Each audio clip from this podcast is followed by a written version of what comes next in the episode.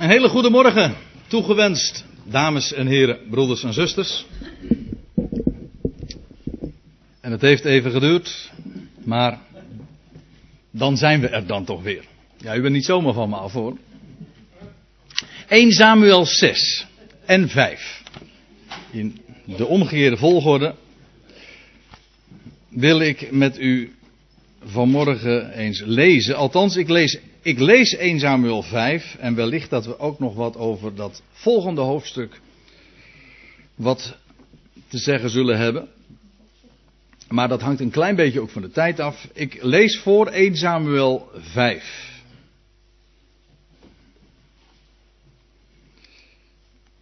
En ook de tand destijds vreet aan mij. Ja, ja. Ik kwam hier ooit als een jong broekje. Nog ongeveer 30 jaar. Maar uh, die letters in mijn Bijbel worden steeds kleiner. Ja. Maar op deze manier weet ik dat weer aardig te ondervangen. 1 Samuel 5. Ik zal even wat uh, trouwens nog zeggen over de voorgeschiedenis. Dan kan ik mijn beeld wel weer afzetten natuurlijk. Maar de voorgeschiedenis, daar in het voorgaande hoofdstuk, daar lezen we dat de ark van God, staat er in mijn Bijbeltje ook boven. De ark van God is buitgemaakt. Het, het speelt zich af in de in de dagen van de hoge priester Eli. En als die ark dan is buitgemaakt uh, door, de, uh, door een conflict met de Filistijnen. Waarbij trouwens ook nog de zonen van de illustere zonen, nou ja, beruchte zonen van Eli om het leven komen, Hofni en Pinahas.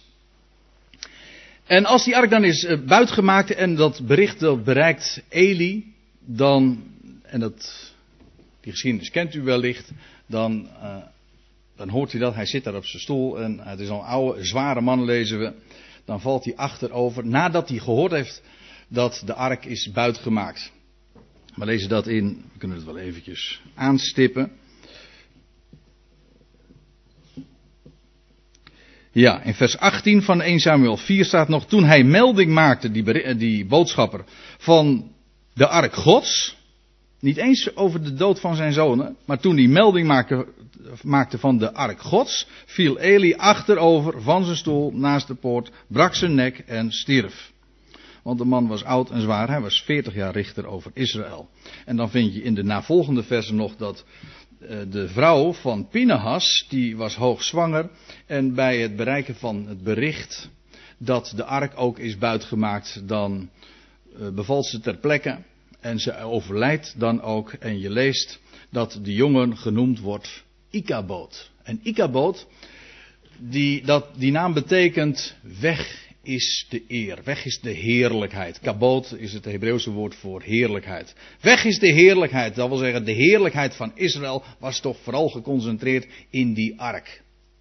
Nou, en dan lees je vervolgens in het hoofdstuk daarna, in 1 Samuel 5 dus, wat er plaatsvindt met die ark. Dat is heel eigenaardig en daar wil ik vanmorgen uw aandacht eens voor vragen. En ik lees dat voor vanaf vers 1.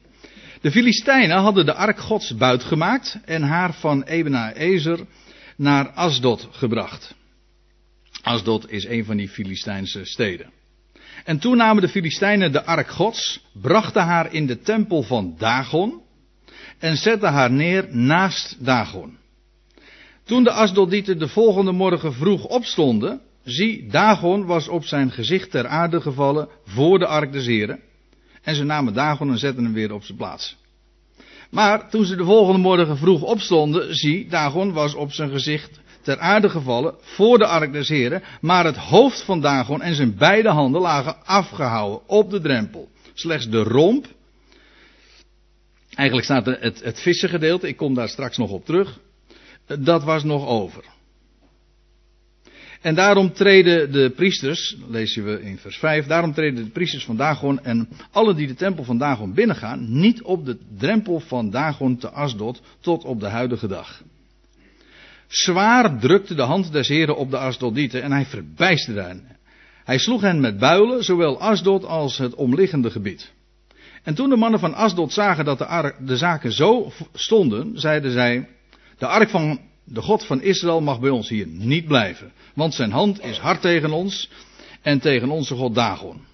En daarom riepen zij alle stadsvorsten der Filistijnen bijeen en zeiden: Wat zullen we doen met die ark van de God van Israël? En zij zeiden, de ark van de God van Israël moet naar Gad worden overgebracht. En zij brachten dus de ark van de God van Israël daarheen over.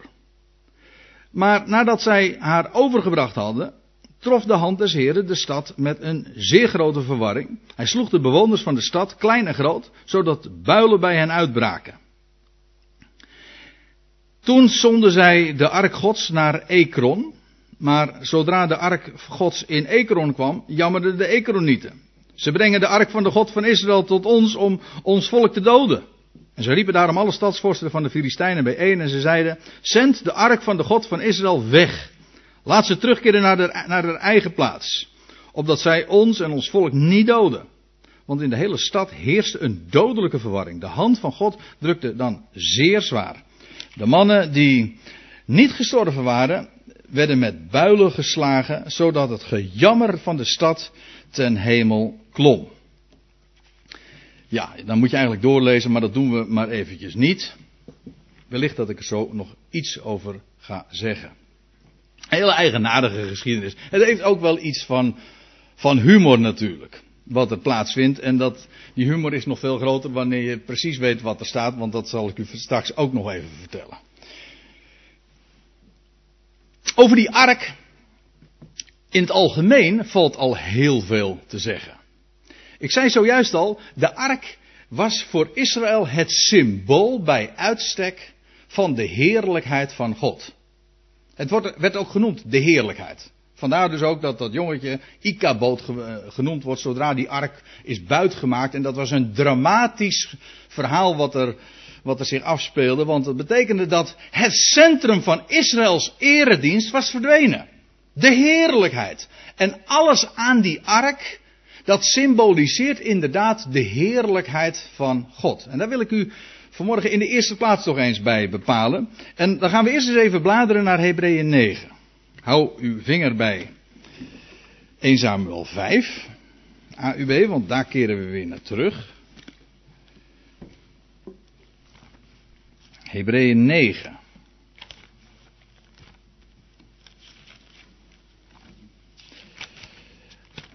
In de Hebreeënbrief gaat de schrijver uitgebreid in op de betekenissen van allerlei attributen en instellingen, regelingen van onder het oude verbond.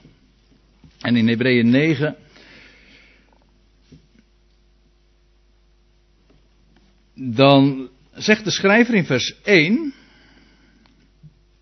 ja, ik lees eventjes vanaf vers 1 voor, want anders wordt het een beetje onbegrijpelijk. Nu had ook wel het eerste verbond bepalingen voor de eredienst en een heiligdom voor deze wereld. Want er was een tent ingericht, de voorste, waarin de kandelaar en de, de tafel met de toonbroden stonden. En deze werd het heilige genoemd. En achter het tweede voorhangsel was een tent, genaamd het heilige der heiligen, met een gouden reukofferaltaar.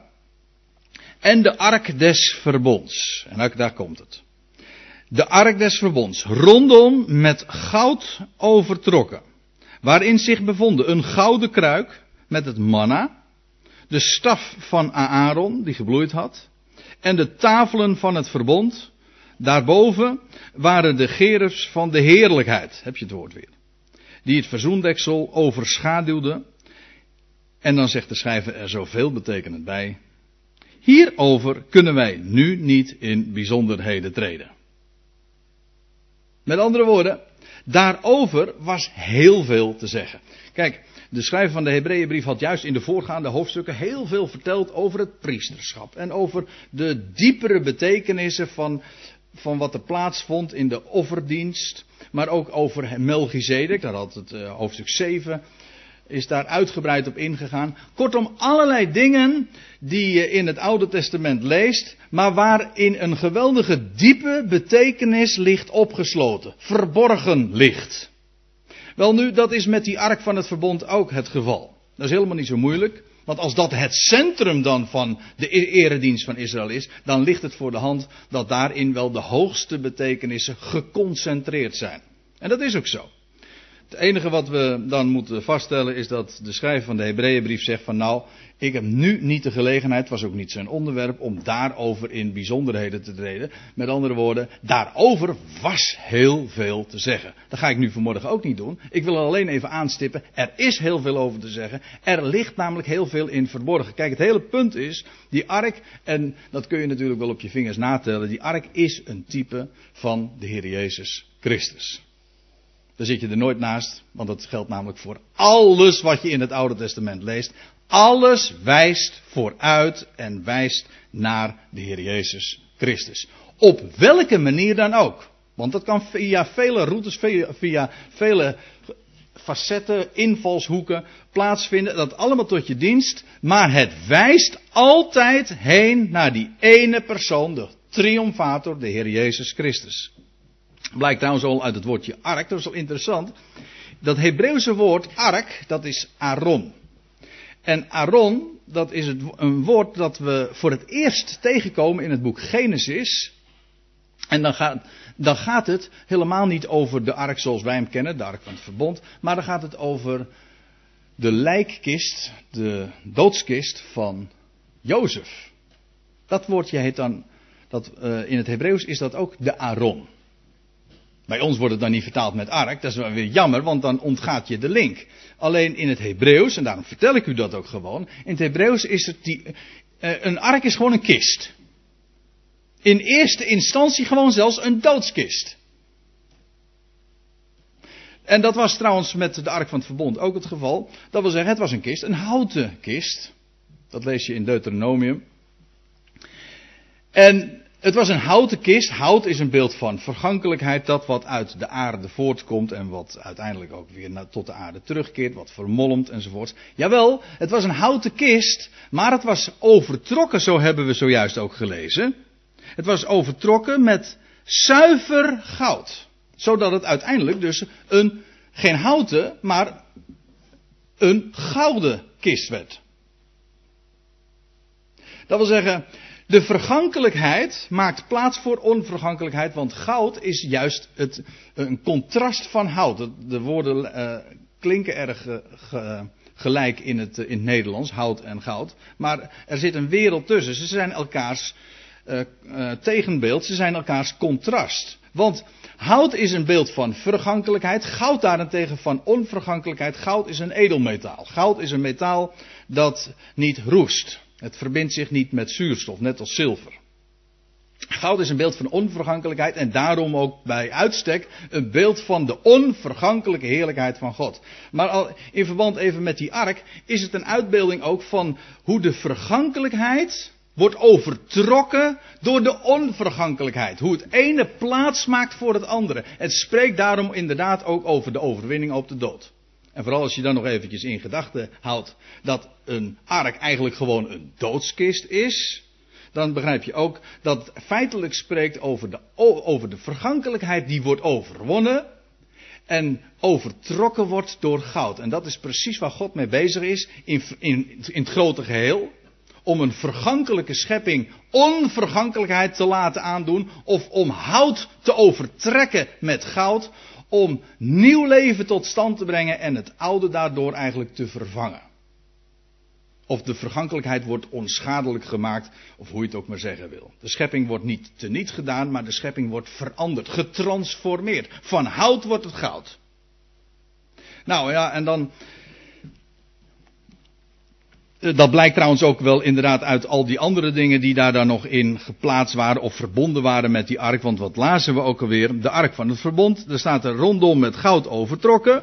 Waarin zich bevonden een gouden kruik met het manna. Een gouden kruik. Kijk, een kruik in het algemeen is een beeld van vergankelijkheid.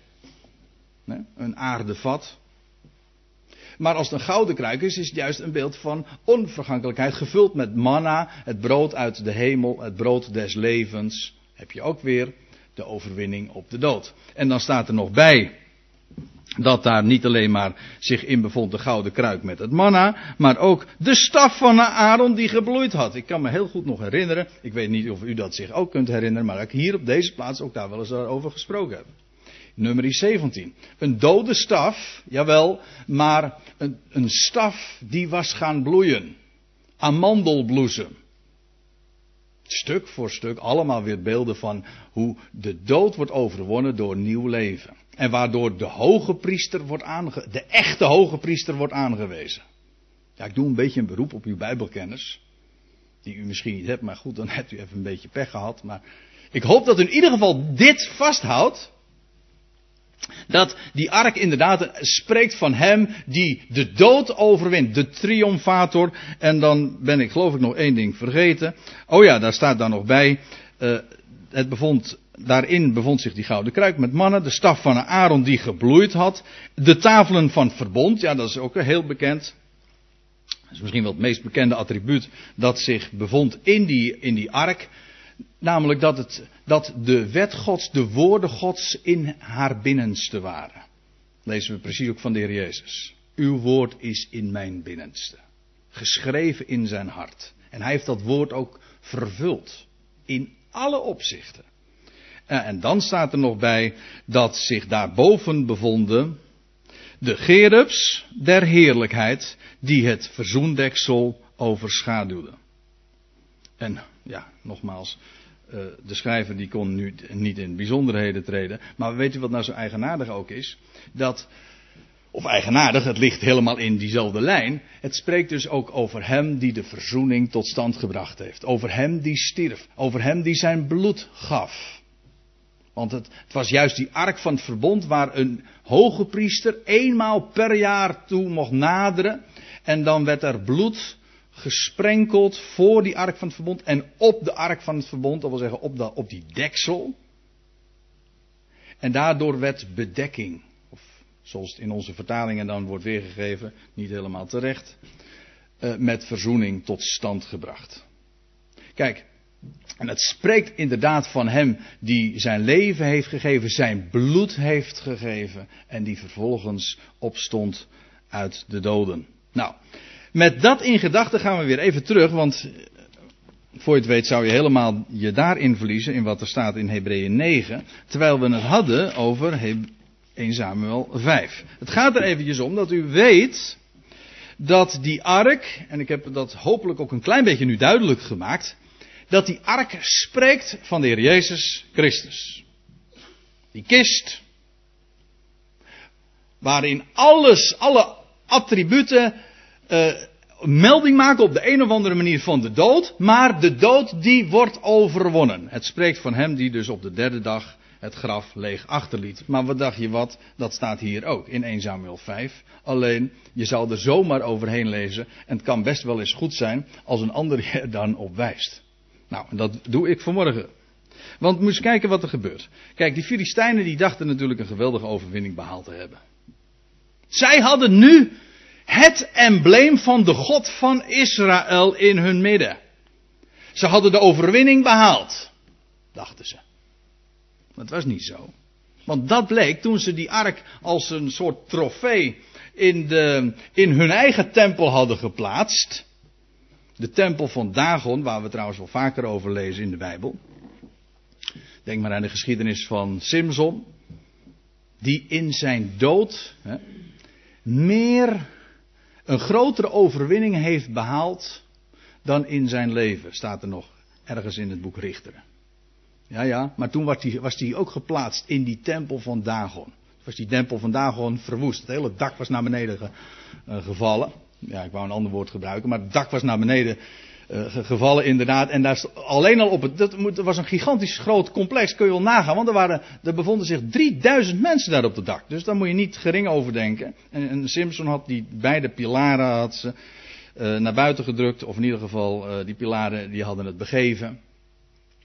En in, bij die gelegenheid heeft, heeft Simpson toen, ook een type trouwens van de Heer Jezus Christus, heeft die grote overwinning in zijn dood behaald.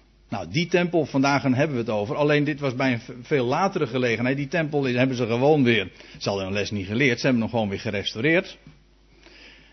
En trouwens, dat is wat ze hier ook iedere keer weer doen. Plakken en lijmen en zo. Want, lees maar. Ze hebben die ark dus buitgemaakt. En hebben ze hem overgebracht naar Asdod. En toen, dan staat er in vers 2. Toen namen de Filistijnen de ark van God. Brachten haar in de tempel van Dagon. En zetten haar neer naast Dagon. Zo. Waarmee maar is gedemonstreerd werd dat Dagon nog sterker was. Hun God was sterker dan de God van Israël. Ja, en dan staat er.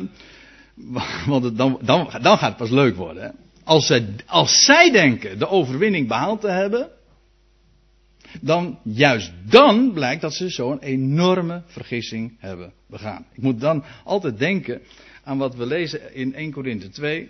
Dat als de overste van deze aion, van deze wereld, hadden geweten van de wijsheid Gods, dan hadden ze de Heer der Heerlijkheid niet gekruisigd.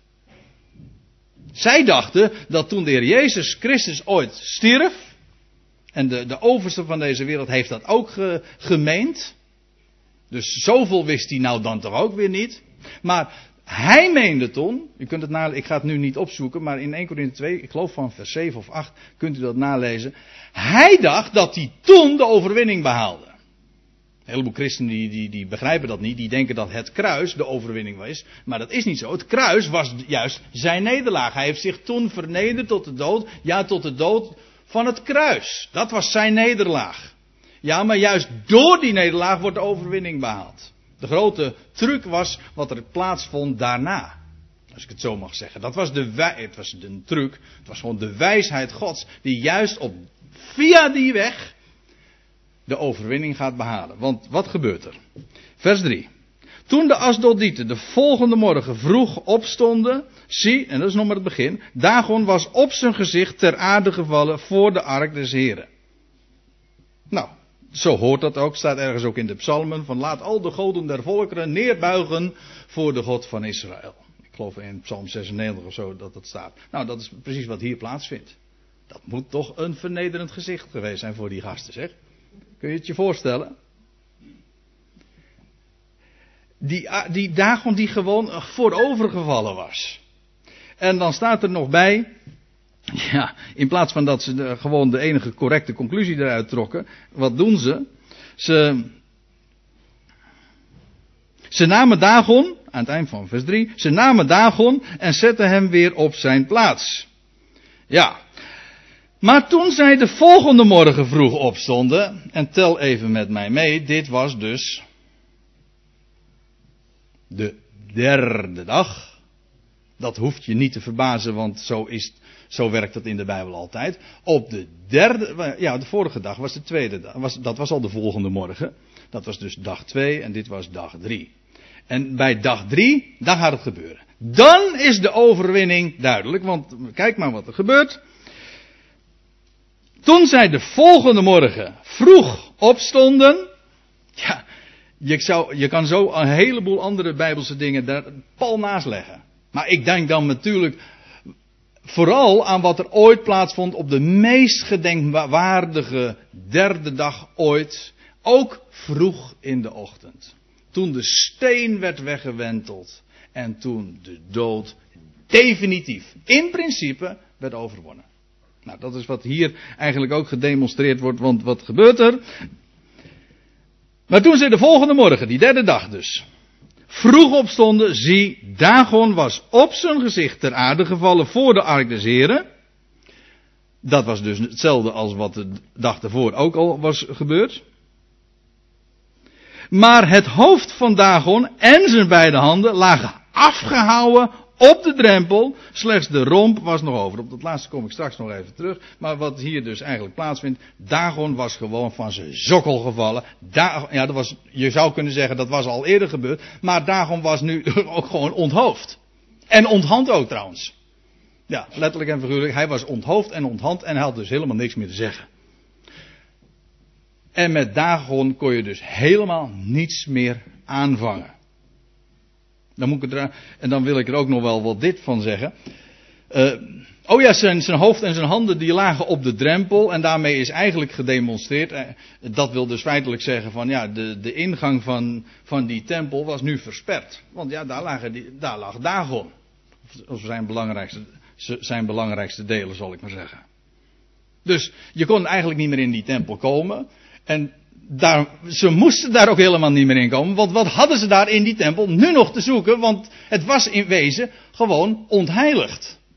Die tempel van Dagon bleek helemaal geen heiligdom te zijn. Want Dagon was zelf gewoon onthoofd, onthand, van zijn sokkel gevallen. Hij was overwonnen. Dat is het hele idee. En dus hadden ze in die tempel niks meer te zoeken. En weet u wat de Filistijnen eraan aan, uh, hebben ontleend? Wat voor conclusie zij trokken? Zij hebben, zij hebben vervolgens gewoon Dagon kennelijk weer gelijmd. Of zo. ja, is komisch hè. Uh, maar ze hebben Dagon weer gelijmd en ze hebben hem weer op zijn plek gezet bij, bij een latere gelegenheid. Maar er staat daar nog bij in vers 5. Daarom treden de priesters van Dagon en alle die de tempel van Dagon binnengaan niet op de drempel van Dagon te Asdod tot op de huidige dag. Dit is dus een veel later tijdstip kennelijk al opgetekend. En, dit, uh, en de reden waarom uh, de Filistijnen niet de, de, de drempel zelf betreden is gewoon om die reden. Ze hadden een, veel andere, een heel andere conclusie moeten trekken. Ze hadden daardoor helemaal niets meer te zoeken. Ze hadden er nooit meer binnen hoeven gaan. En de eer moeten geven aan de enige die het werkelijk toekomt. Namelijk waar de ark een uitbeelding van is. Oh ja, dan wilde ik ook, dan moet ik nog even wat zeggen over die romp. Slechts de romp was nog over, want dat is wel interessant. Als je een, ik meen een statenvertaling hebt, maar dat weet ik niet eens absoluut zeker, dan staat er slechts Dagon was nog over. Het staat in het Hebreeuws heel eigenaardig. Uh, een andere vertaling zegt slechts zijn vissengedeelte was nog over. Want het woordje Dagon, het Hebreeuwse woord voor vis is dage. Dage, zeg maar. En, dat, en daar is Dagon van afgeleid. Dagon was namelijk uh, eenzelfde soort god als, uh, zoals de Romeinen hem hebben, Neptunus. En de Grieken die hadden Poseidon. Maar het was de god van de zee en u weet hoe die wordt uitgebeeld. Dat als een, uh, ik wou zeggen al min of meer, maar als een meer min hij werd min of meer afgebeeld als een min, zeg maar. Ja. En het bovenste gedeelte was een, eh, een man, niet geen vrouw, maar een man. En het onderste gedeelte was een vissenstaart. Het was het beeld uit de God van de zee. Gewoon ook zoals dat vanuit de Hebreeuws tot ons komt. Het was hij was de God van de zee. En de zee in de Bijbel is trouwens altijd een beeld van de volkerenwereld. En dan is het plaatje gewoon weer rond. Want Dagon is feitelijk een type van de God van deze Aion. De, de God van deze wereld. De God van deze volkerenwereld. Trouwens, als er een beest ook uit de zee komt. Nou, dan is het niet best hoor. En dan moet u maar eens in openbaring 13 lezen. Dan is dat eigenlijk ook niks anders dan de personificatie van de God van deze Aion, oftewel van de grote tegenstander. Hij kan trouwens in allerlei gedaanten tot ons komen als een draak of als een, mon ja, een monster met vele koppen of een oude slang. Wat dacht u daarvan? Maar hier is het dus Dagon. Uh, Dagon. En, uh, maar wat het hele idee is, het bovenste gedeelte, gewoon die kerel die was helemaal, ja, die was afgehouden. En alleen het onderste gedeelte, dat, dat stond daar nog of dat lag daar nog. Dat vissen gedeelte. Dat is, het, dat is dus het idee.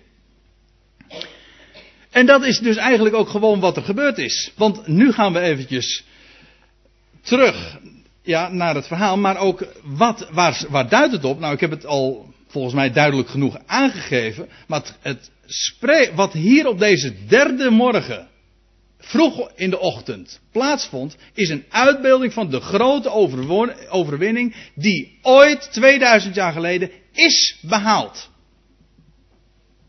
En ik heb daar een heel een mooi schriftplaats voor, waar, waarin dat ook prachtig wordt, naar, naar voren wordt gebracht. Colossense 2, vers 15. Waar de God van deze Aion en al zijn personeel zal ik maar zeggen, alles die dat bij hem hoort, is te kijk gezet. Openlijk tentoongesteld. Want zo wordt dat in, Hebree, pardon, in Colossense 2 genoemd.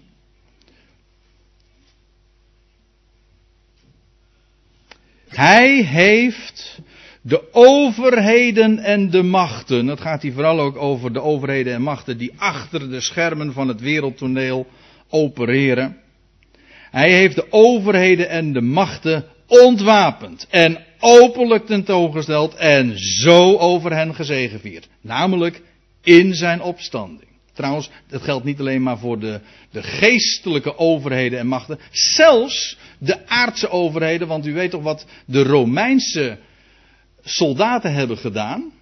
Dus met het hoogste gezag, zelfs het keizerlijke gezag, ze hadden het graf nog verzegeld. Met die, ja, met die zware steen hadden ze ervoor gerold. Vervolgens was het ook met het verzegeld, dat wil zeggen met het Romeinse zegel van de keizer, was het vastgezet zodat aan die steen, die mocht niet bewogen worden. Nou, op de derde dag is die steen gewoon weggerold, de zegels zijn verbroken en de overheden en de machten, inclusief die van de Romeinen, van het wereldrijk in die dagen, is gewoon openlijk te kijk gezet.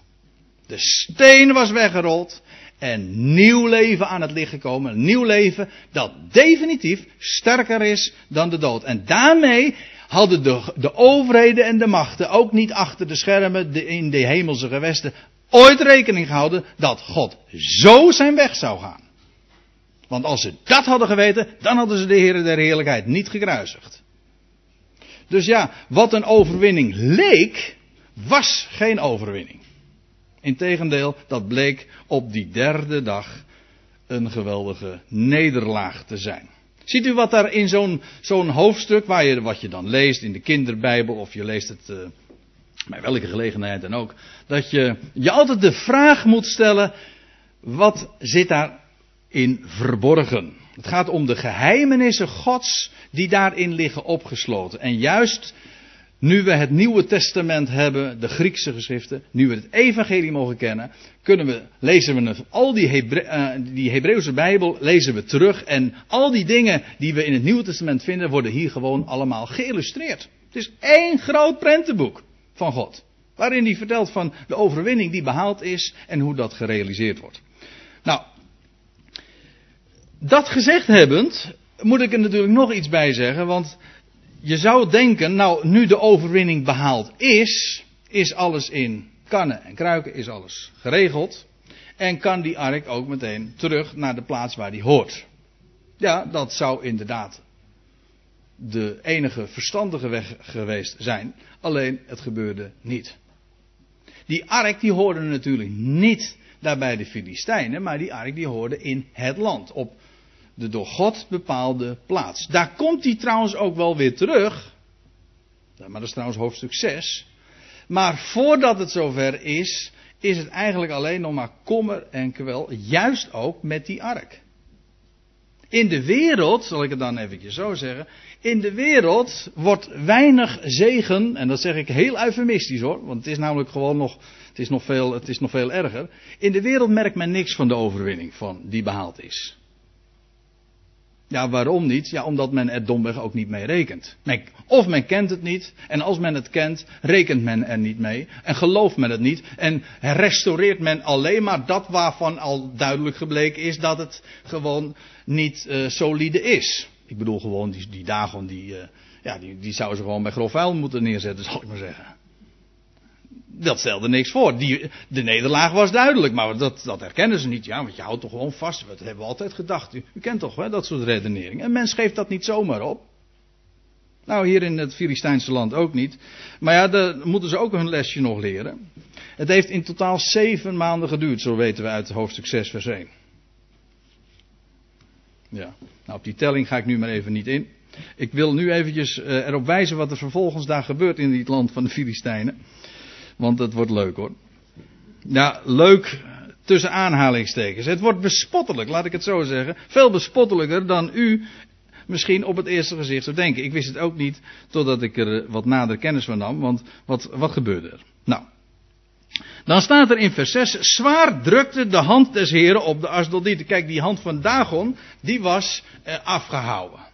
Maar de hand des heren is nooit te kort en die was niet afgehouden. Die hand die deed wel zijn werk. Namelijk dat wat die hand moest doen. En, of wat de Heere wilde dat er gebeurde. Zwaar drukte de hand des Heren op de Asdodieten en hij verbijsterde hen. Hij sloeg hen met builen, zowel Asdod als het omliggende gebied. In de Statenvertaling staat, hij sloeg hen met spenen. Nou, ik lees nog eventjes verder op, want dan wordt er nog, nog iets bij gezegd. Toen de mannen van Asdod zagen dat de zaken er zo voor stonden, zeiden zij, de ark van de God van Israël mag bij ons niet blijven, want zijn hand is hard tegen ons en tegen onze God Dagon. En daarom riepen zij alle stadsvorsten van de Filistijnen bij elkaar en zeiden, wat zullen wij doen met de ark van de God van Israël? En ze zeiden, de ark van de God van Israël, die moet naar Gat worden overgebracht. En ze brachten dus de ark van de God van Israël daarheen. Maar nadat hij, zij haar overgebracht hadden, trof de hand des heren de stad met een zeer grote verwarring. Hij sloeg de bewoners van de stad, klein en groot, zodat builen bij hen uitbraken. Ja, als u een statenvertaling hebt, dan staat er, zij hadden spenen in de verborgen plaatsen. Ja, ik wil het netjes houden vanmorgen, maar uh, zij hadden spenen in de verborgen plaatsen. Wat was er nou eigenlijk gewoon gebeurd? Nou, uh, dan moeten we naar Psalm 78 gaan. 78, vers 66.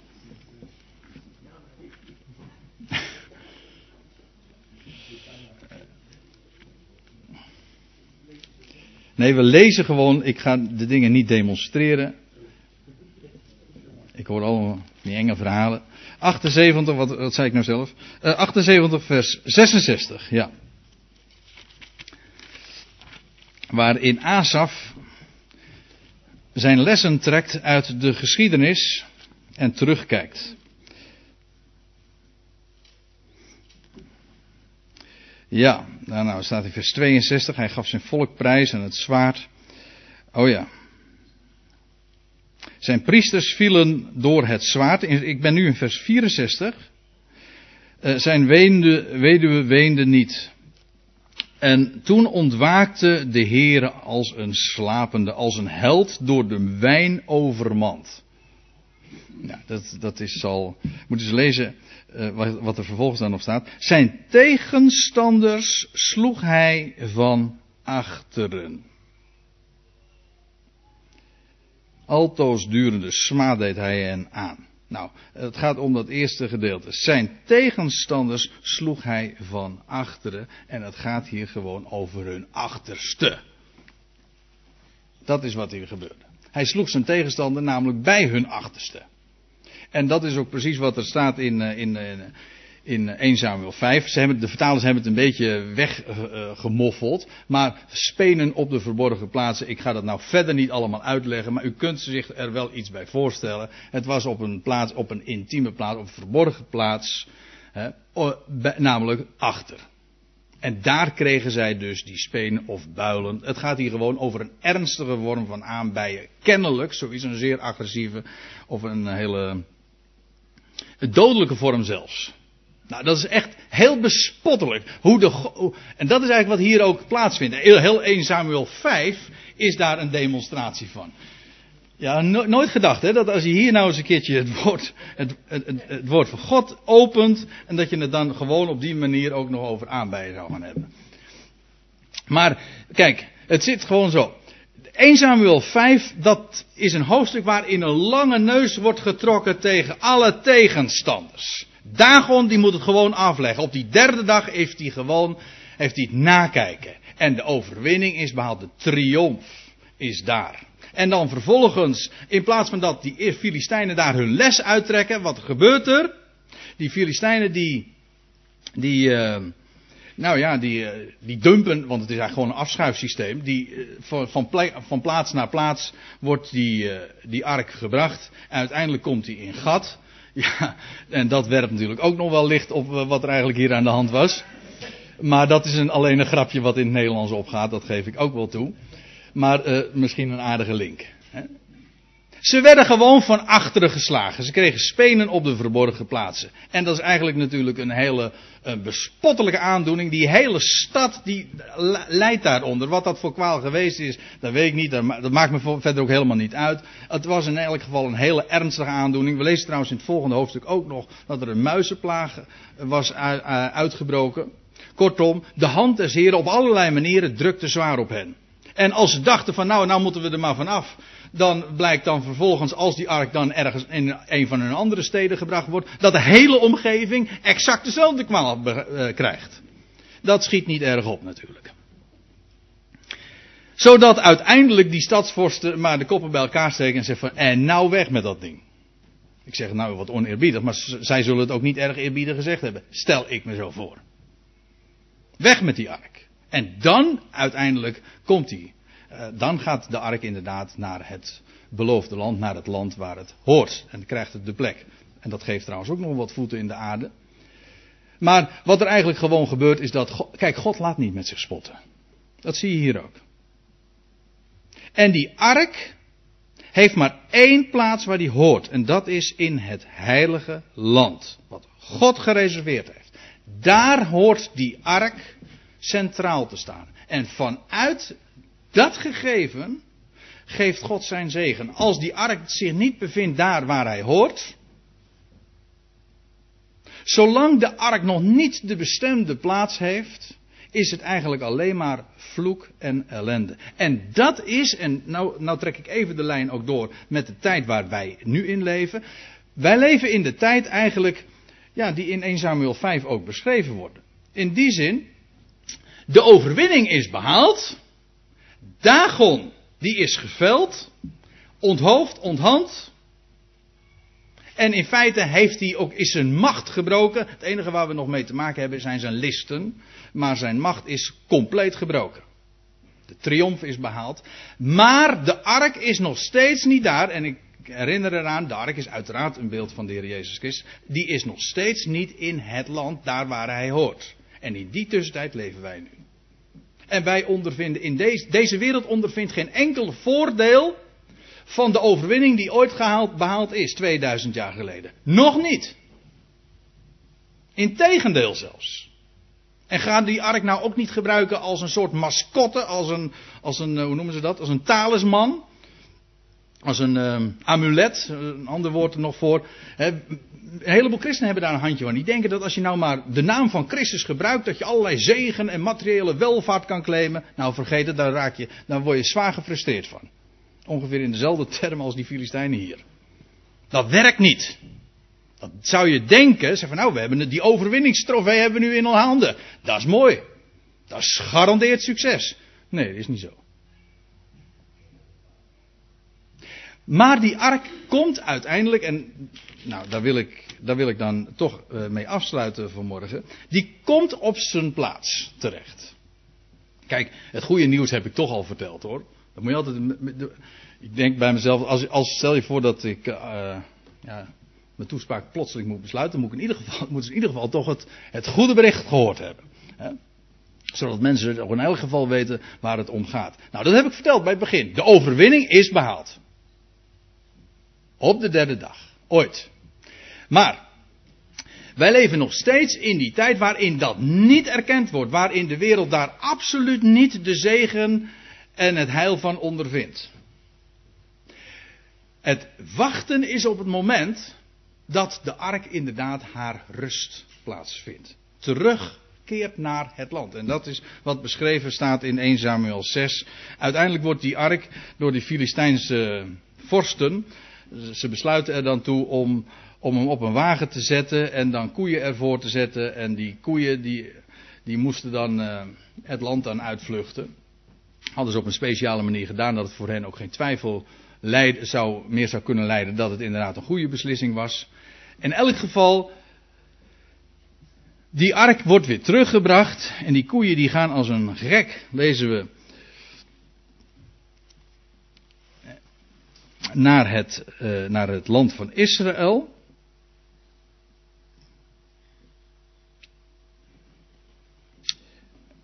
Neem me niet kwalijk hoor. Ik zit nu even te, af te vragen waar. Oh ja. Nou, ik, eh, vanaf vers 11 van hoofdstuk 6. Ze zetten de ark des Heren op de wagen.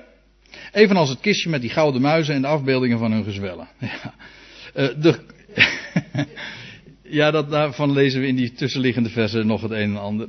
Ik ga er even aan voorbij, want ik wil namelijk op iets anders nog wijzen. Namelijk hoe die, die ark zijn, zijn rustplaats vindt. De koeien gingen regelrecht de weg op naar Bet-Shemes. En Bet-Shemes betekent gewoon huis van de zon. Huis dus van het zonlicht, huis van de dag. En ze liepen al loeiende rechtdoor, zonder naar rechts of links af te buigen. En de stadsvorsten van de Filistijnen volgden ze tot aan het einde van het, tot aan het gebied van Bet-Shemes, het, van, is het land van Israël dus, toe. De mensen van Bethshemes waren juist bezig met het oogsten van de tarwe in de vallei. Dat is rond het Pinksterfeest. Ja, ja. En toen zij opkeken, zagen zij de ark en ze waren verheugd haar te zien. De wagen nu kwam bij het veld van de Bethshemiet Jehoshua en hield daar stil. En daar lag een grote steen en ze kloofden het hout van de wagen en offerden de koeien als een brandoffer voor de heren. Nou, stop. Want hier wil ik, maar hier wil ik uw aandacht nog eventjes voor vragen. Namelijk dat die ark, na al die omzwervingen die ze had gemaakt, na de grote overwinning die ze ooit had behaald. Maar goed, eh, de ark vond geen erkenning. Er vindt dus eigenlijk een hele eh, een tussentijd. In die tussentijd vinden nog allerlei ellende plaats. Maar uiteindelijk komt die ark daar waar die wezen moet. En dan lees je hier dat hij tot zijn rustplaats komt daar in Bethshemes. En Bethshemes, ik zei het al, het is het huis van de zon. En spreekt ook inderdaad van de zon. De zon der gerechtigheid die straks gaat opkomen en die de dag zal laten aanbreken. En trouwens, dan wordt het ook voor Israël Pinksteren. Ja, ja, want dan gaat hij zijn geest uitstorten op al de inwoners van Jeruzalem. En dan zal hij zijn geest geven, niet met mate, maar in volheid. Dan wordt het echt Pinkster hoor. Een geweldige oogstfeest. En dan vindt die ark uiteindelijk zijn rust bij die man van Bethshemes en hij wordt hier met name genoemd. En dat is gewoon, als ik het in het Grieks zeg, dan zeg ik, hij vindt zijn rustplaats bij Jezus. Want Jehoshua is dezelfde naam als Joshua of in het Grieks, want het ene is Hebreeuws en het andere is Grieks, is dezelfde als Jezus. Exact dezelfde naam. Daar vindt die ark zijn rust. Bij een grote steen denk ik. Uh, staat er dan ook nog bij. Ja. U weet wel. Die was weggewenteld. Die vervolgens dan ook als, als, een, als een altaar gaat fungeren. Want daar, wordt, uh, daar, vinden, daar worden, wordt op geofferd. Daar worden brandoffers geofferd. Die stijgen op goden tot een lieflijke reuk. Ook dat spreekt weer van overwinning op de dood. De grote steen altijd trouwens hoor. Ziet u, ziet hoe al die dingen in elkaar grijpen, maar uiteindelijk hoe, uh, hoe verhaal en hoe kleurrijk het verhaal ook is, hoeveel details het ook kent, het kan niet missen, het wijst altijd naar één en hetzelfde onderwerp. Dat kan nooit missen. Dus als je zegt van ja, waar had de spreker het vanmorgen over? Hij dan kunt u altijd zeggen over de Heer Jezus Christus. En de overwinning die hij behaald heeft, die weliswaar in de wereld nog niet erkend wordt, met alle ellende van dien. Maar hij zal erkenning vinden en hij zal ooit straks inderdaad van zich uh, doen. Uh, doen hij, zal, hij zal zich doen kennen, hij zal verschijnen en hij zal zijn rustplaats vinden, inderdaad, in het land van Israël. En dan zal er ook inderdaad zegen van die ark uitgaan. Zegen voor deze wereld. Zegen voor, in de eerste plaats voor Israël. Maar dan zal de dag aanbreken, zal het Pinksterfeest worden. En dan zal in de naam, inderdaad, in de naam van Jehoshua de heerschappij over deze wereld worden uh, aanbreken. En dan zal het licht zijn. En dan zal het licht steeds helderder gaan schijnen. Allemaal dankzij Hem die de dood heeft overwonnen. Amen. Blijf nog even staan. Dan sluiten we met dankgebed af. En dan zingen we daarna nog één lied. Hemelse Vader, we willen u heel hartelijk dank zeggen dat we zo hier bij elkaar mochten zijn. Uw woord mochten openen. En ons telkens weer mogen verbazen over de rijkdom die daarin staat opgetekend. En als we zulke oude geschiedenissen lezen als, als vanmorgen, dan, dan verbaast het ons. En dan verwonderen we ons ook over de enorme diepgang die daarin Dat er zoveel meer in staat dan we ooit hadden kunnen bevroeden. En dat we die dingen juist ook gaan verstaan in het licht van wat we, wij inmiddels mogen weten. Doordat we Hem mogen kennen, de ware Jehoshua, de Heere Jezus Christus. Die kwam en die zag en die overwon. Degene die zijn leven gaf tot heil van deze wereld.